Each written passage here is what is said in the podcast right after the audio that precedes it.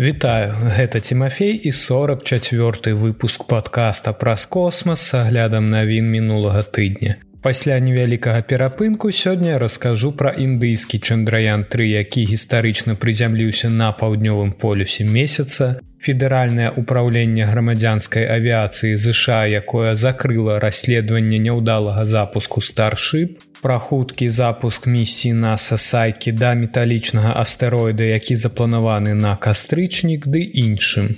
Давайте пачынаць.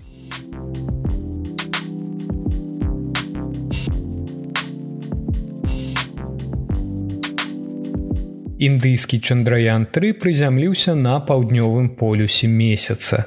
Гэтым крокам Індыя ўвайшла ў гісторыю як першая краіна, якая здзейсніла высадку паблізу паўднёвага полюса месяца з дапамогай свайго пасадачнага модуля чандраян 3. Гэта адбылося 23 жніўня 2023 года.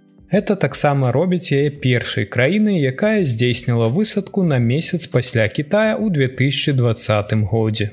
Паўднёвы полюс месяца ўяўляе асаблівую цікавасць, бо яго паверхня з кратарамі, траншеямі і кішэнямі старажытнага лёду да гэтага часу не даследавана. Узнікае пытанне, чаму краіны імкнуцца паляцець на месяц. Краіны зацікаўлены ў палёце на месяц, таму што гэта можа натхніць людзей, праверыць межы тэхнічных магчымасцяў чалавека і дазволіць даведацца больш аб нашай сонечнай сістэме. Месяц мае гістарычнае і культурнае значэнне, якое здаецца сапраўды знаходзіць водгук у людзей. Любы чалавек у свеце можа паглядзець на начное неба, убачыць месяц і зразумець, наколькі дзіўна, што па яго паверхні блукае касмічны карабель, пабудаваны чалавекам. Таксама ёсць людзі, якія вераць, што даследаванне месяца можа прынесці эканамічныя выгады. У найбліжэйшай будучыні гэта можа ўключаць з'яўленне стартапаў, якія працуюць над касмічнымі тэхналогіямі і якія ўдзельнічаюць у гэтых місіях. У апошні час у Індыі назіраецца ўсплеск касмічных стартапаў. Урэшце рэшт месяц можа прынесці эканамічную выгаду, заснаваную на наяўных там прыродных ресурсах, такіх як вада, гелій-3 і рэдказямельных элементаў. За апошнія некалькі дзегоддзяў мы сталі сведкамі значнага павелічэння колькасці краін, якія ўдзельнічаюць у касмічнай дзейнасці. Гэта вельмі відавочна, напрыклад, калі гаворка ідзе аб спадарожніках, якія збіраюць выявы або дадзеныя аб зямлі. Больш за 60 краін прынялі ўдзел у такіх спадарожнікавых місіях. Цяпер мы бачым, як гэта тэндэнцыя распаўсюджваецца на засваенне космасу і асабліва месяца. У нейкім сэнсе цікавасць да месяца абумоўлена тымі ж мэтамі, што і ў першай касмічнай гонцы 1960-х гадоў, прадэманстраваць тэхналагічныя магчымасці і натхніць шырокую грамадскасць. Аднак на гэты раз у гонцы спаборнічаюць не проста дзве краіны. Цяпер у нас шмат удзельнікаў. Акрамя таго, дзякуючы ўсім гэтым новым ігракам і тэхнічным даследаваннем апошнія 60 гадоў існуе патэнцыял для ўдзелу ў больш устойлівых даследаваннях. Это можа ўключаць будаўніцтва месяцовых баз, распрацоўку спосабаў выкарыстання месяцовых ресурсаў і ў канчатковым выніку удзел у эканамічнай дзейнасці на месяцы, заснаванай на прыродных ресурсах ці турызме. Дасягненне Індыі з'яўляецца першым у сваім родзе і вельмі захапляльным, але варта адзначыць, што гэта адна з сямі місій, якія ў цяперашні час выконваюцца на месяцы і вакол яго. У дадатак да індыйскага месяцахода Чандраян 3 каля паўднёвага полюсу знаходзіцца таксама паўднёва-карейскі месяцовы арбітальны апарат Пайс Фіндер, які вывучае паверхню месяца для вывучэння будучых месцаў пасадкі. Таксама на арбіце вакол месяца знаходзіцца касмічны карабель капстон, які быў распрацаваны стартап-кампаніі з дапамогай фінансавання NASAа і месяцовы разведвальны арбітальны апарат NASAа. Карабель капстон вывучае стабільнасць унікальнай арбіты вакол месяца. А разведвальны апарат збірае дадзеныя аб месяцы і складае карту месцаў для будучых місій. Акрамя таго, хоць індыйскі месяцаход Чандраян 2 пацярпеў крушэнне, яго суправаджальны арбітальны апарат усё яшчэ працуе. Таксама на месяцы да гэтага часу працуюць кітайскія спускальныя апараты чаны 4 і чаны 5. Іншыя краіны і камерцыйныя арганізацыі працуюць над тым, каб далучыцца да гэтага спісу. Напрыклад, расійская місія Луна 25 урэзалася ў месяц за тры дні да прызямлення Чандраян 3. Тое ж самае можна сказаць і аб месяцовым караблі, пабудаваным прыватнай японскай касмічнай кампаніі iSpace. Пасадачны модуль упаў на месяц і разбіўся ў красавіку 2023 года. Паўднёвы полюс месяца гэта вобласць, дзе краіны сканцэнтраваны для будучых даследаванняў. Усе 13 патэнцыйных месцаў пасадкі NASAа для праграмы Атаміс размешчаны недалёка ад паўднёвага полюса. Гэтая вобласць прапануе найбольшы патэнцыял для пошуку вадзянога лёду, які можна было выкарыстоўваць для падтрымкі касманаўтаў і вытворчасці ракетнага паліва. У яго таксама ёсць кропкі, якія знаходзяцца пад пастаянным або амаль пастаянным сонечным святлом, што стварае выдатныя магчымасці для выпрацоўкі энергіі для падтрымкі месяцовай дзейнасці. На момант запісу падкаста індыйскі месцаход і апарат Чандраян 3 выканалі свае асноўныя задачы місіі і зараз рыхтуюцца да будучай двухтыднёвай месяцовай ночы. Індыйская арганізацыя касмічных даследаванняў спадзяецца, што два знакавыя караблі змогуць прачнуцца, калі сонца зноў паднімецца над паўднёвым полюсам месяца. У нядзелю другога верасня індыйская арганізацыя касмічных даследаванняў абвясціла, што месцаход Прангян выканаў свае заданні і быў пераведзены ў спячы рэжым і выключыў свае навуковыя прыборы. У цяперашні час акумулятар цалкам разраджаны. Сонечная панель арыентавана на атрыманне святла пры наступным узыходзе сонца, які чакаецца 22 верасня. Гаворыцца ў паведамленні арганізацыі на экс раней вядомым як Twitter пасадачны модуль вікрам які даставіў праг'яна на паверхню месяца і правёў уласную навуковую кампанію рушыў услед гэтаму прыкладу ў панядзелак 4 верасня. Вікрам заснуў побач з праг'янам. Яго сонечная энергія скончылась і батарэя разрадзілася спадзяемся на іх прачынанне прыкладна 22 верасня гаворыцца ў паведамленні Я хацеў бы зрабіць кароткае відэо аб самых цікавых момантах гэтай місіі і што новага ўдалося вывучыць у гэтай частцы месяца. Калі вам будзе цікава паглядзець, то калі ласка пакіньце вашыя каментары ў сацыяльных сетках падкаста. Дякуй.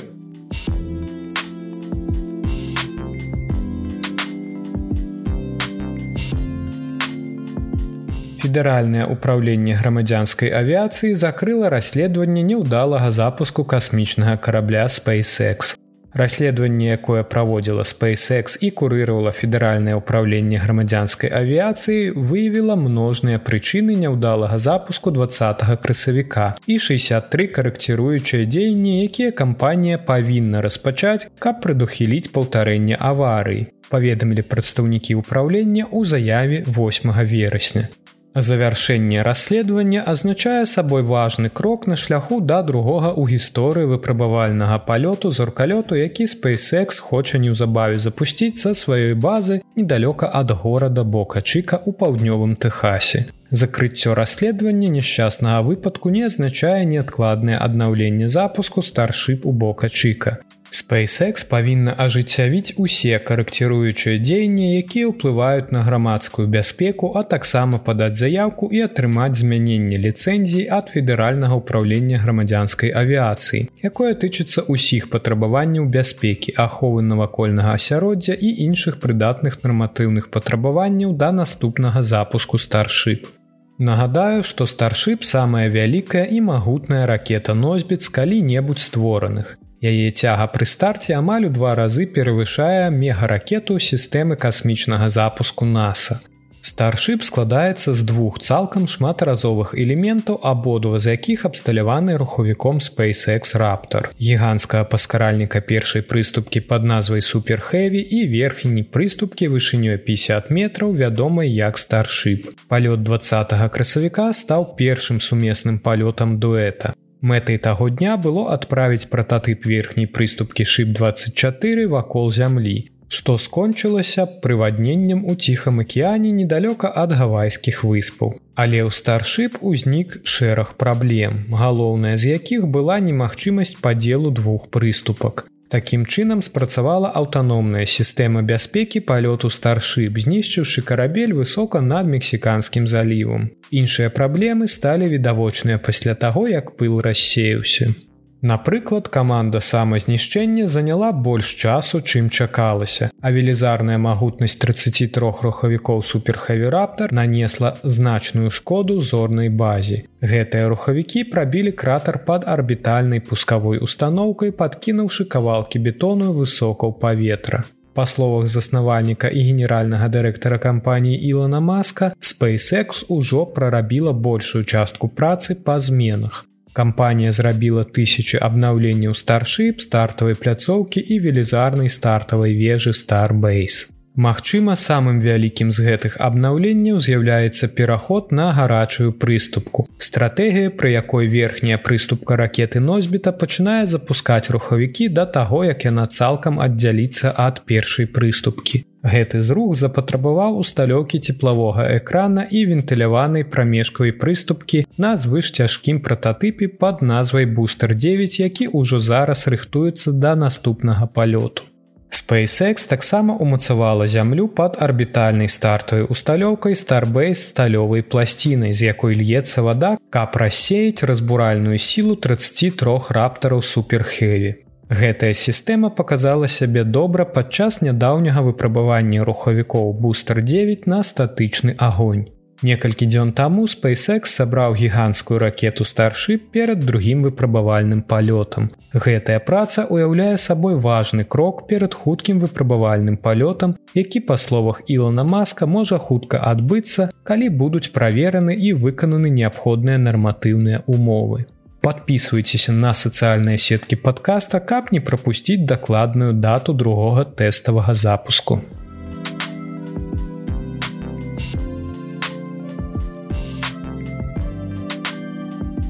Запуск місіі NASAа сайкі да металічнага астэроіда запланаваны праз месяц.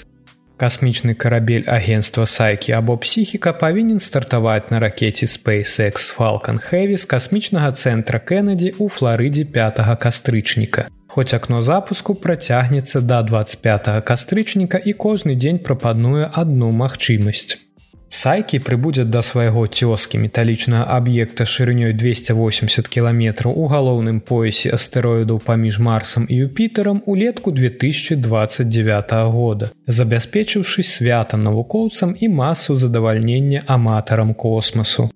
Запуск у наступным месяцы стане знакавым момантам і для SpaceX. Ён адзначыць першы старт Falcon Heavy для NASA, а таксама першую міжпланетную місію ракеты. Falcon Heavy другая па магутнасці ракета, якая дзейнічае ў цяперашні час. Пасля сістэмы касмічнага запуску NASA і на сённяшні дзень стартавала ўсяго 7 разоў, апошні раз быў 28 ліпеня. Сайкі ўжо павінна была быць у паветры. Першапачатковы план прадугледжваў запуск у восень 2022 года. Але праблемы з лётным праграмным забеспячэннем касмічнага карабля прывялі да затрымкі на адзін год. Па словах членаў місіі, якія з нецярпеннем чакаюць маючага адбыцца старту, усе гэтыя недахопы ўжо ліквідаваны. Гэта становіцца ўсё больш рэальным. Мы лічым дні, каманда гатова адправіць гэты касмічны карабель у вандраванне і гэта вельмі цікава. Заявіў у сераду сваёй заяве Генры Стоун, кіраўнік праекта сайкі ў лабараторыі рэактыўнага руху NASAа ў паўднёвай Каліфорніі. Запуск пакладзе пачатак працягламу этапу круізу для сайкі. Місія будзе выкарыстоўваць высокаэфектыўную сонечную электрычную рухальную установку, каб дабрацца да пояса астэроідаў. Аблёт Марса з дапамогай гравітацыі ў маі 2026 года павялічыць хуткасць сайкі, дапамагаючы дасягнуць касмічнага астэроіда ў канцы ліпеня 2029 года. Затым зонд будзе вывучаць астэроід зблізку на працягу 26 месяцаў. Круцячыся ўсё ніжэй і ніжэй, пакуль не дасягне арбіты ў 64 кіламетры над паверхняй астэроіда. Навукоўцы не ведаюць, як выглядае гэтая паверхня, яны ніколі не маглі як след разглядзець астэроід сайкі ці які-небудзь іншы металічны астэроід. Але ў іх ёсць некаторыя інтрыгуючыя ідэі. Адна з ідэй заключаецца ў тым, што металічная паверхня сайкі пакрыта малюсенькімі калючымі чашападобнымі мікраметэарытамі, якія ўрэзаліся ў метал і маленькімі малюсенькімі зярняткамі металу, якія адляцелі ад іх, калі гэта адбылося. Мы чакаем, што частка паверхні будзе металічнай, а частка не. Што такое неметалічная частка, камень, сера, мы насэмрач не ведаем. Я б сказала, што адзінае, у чым мы ўпэўнены, гэта тое, што там ёсць метал. І метал будзе падобны на металічныя метэарыты. Кажа даследчыца місіі Ліндзі Элкін Стонтон з універсітэта штата Арызона. У стэроіда сайкі шмат металу. Настолькі шмат, што тут на зямлі ён каштаваў бы каля 10 квінтыльёнаў долараў падлічыла ліндзі некалькі гадоў таму, але гэтую лічбу не трэба ўспрымаць сур'ёзна, падкрэсліла яна. Цяпер у нас няма тэхналогій здольных вярнуць сайкі на зямлю. І калі б мы гэта зрабілі, гэта верагодна было катастрафічнай памылкай. Напрыклад, калі б нам сапраўды ўдалося вярнуць астэроід сайкі, тады ён запоўніў бы рынок металаў і літаральна нічога б не каштаваў. Такім чынам, вылічэнне кошту гэта пацешнае інтэлектуальнае практыкаванне, у якім няма ніякай праўды, сказала яна. Місія сайкі коштам 1,2 мільярда долараў будзе вывучаць касмічную пароду з дапамогай трох спецыяльных інструментаў. Гамма і нейтроннага спектрометра, мультыспектрометра фармавальніка здымкаў і магнітанометра. Касмічны карабель таксама будзе выкарыстоўваць сваю бартавую радыётэлекамунікацыйную сістэму для вывучэння навукі аб гравітацыі, будзе імкнуцца даведацца больш аб унутранай структуры і складзе астэроіда. Такая праца раскажа шмат пра астэроід, які на думку навукоўцаў можа быць аголеным ядром протапланеты, сыравінай з якой складаецца камяністыя планеты такія як зямля і марс. Зон сайкі масай 2747 кілаграмаў таксама ажыццяўляе дэманстрацыйную тэхналогію NASAа пад назвай DSOC, скарочана ад аптычная сувязь і ў глыбокам космасе. DSOC будзе выкарыстоўваць лазерную сістэму для адпраўкі і атрымання дадзеных падчас працяглага этапу палёту місіі да пояса астэроідаў. На сённяшні дзень такія магутныя сістэмы аптычнай сувязі выкарыстоўваюцца толькі на касмічных караблях, якія знаходзяцца на такіх далёкіх адлегласцях як месяц. DSOC імкнецца пашырыць гэтую сферу дзейнасці значна далей у вельмі глыбокі космос.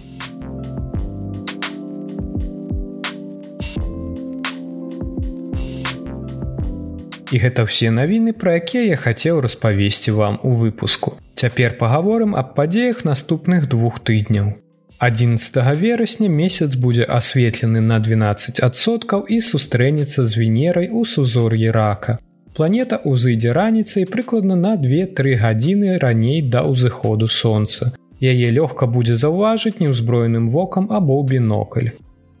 14 верасня месяц наблізіцца да Меркурыя. Абодва нябесныя целы будуць у сузор'і льва. Месяцовы дыск асветлены на 11сотак будзе амаль нябачны, бо злучэнне адбудзецца за два дні да маладзіка. Планета ўзыдзе раніцай за гадзіну да ўзыходу сонца. Крыху больш, чым праз тыдзень Меркурый дасягне найбольшай бачнай адлегласці ад сонца і ў назіральнікаў будзе крыху больш часу, каб яго ўбачыць. 19 верасня адбудзецца супрацьстаянне Нептуна. Супрацьстаянне ў астраноміі гэта лепшы час для назірання большасці планет сонечнай сістэмы і некаторых іншых нябесных целаў. У гэты час яны дасягнуць найбольшага памеру і яркасці на небе. Астранамічнае супрацьстаянне азначае, што планета знаходзіцца на супрацьлеглым баку ад сонца адносна зямлі. Калі глядзець зямлі, планета падчас супрацьстаяння размешчана на бачнай вуглавой адлегласці ў 180 градусаў ад сонца на небе. Калі сонца садзіцца на захадзе, планета з'яўляецца на ўсходзе. Супрацьстаянне Нептуна адбудзецца 19 верасня ў 1954 па мінскім часе. Нептун узыдзе ў накірунку працьлеглым сонцу адразу пасля захода сонца і дасягне найвышэйшай кропкі каля паўночы па мясцовым часе і застанецца на небе да світання. На жаль, лепш скарыстацца тэлескопам для назірання Нептуна. Нават падчас супрацьстаяння планета будзе з цяжкасцю бачная на начным небе неўзброеным вокам. Дзякуй, што даслухалі да канца. У наступным месяцы будзе ўжо год, як я раблю гэты падкаст. На жаль, падрыхтоўка аднаго выпуску, падбор інфармацыі, запіс, апрацоўка аўдыо, постпрадакшн займае практычна ўвесь мой вольны час. Таму я вырашыў рабіць выпускі адзін раз на два тыдні. Як заўсёды подписывайтесь на сацыяльныя сеткі подкаста у мяне ёсць патрыон калі вы хочаце падтрымаць проект фінансава вялікі дзякуй тым людзям якія ўжо зрабілі гэта. Пачуемся праз два тыдні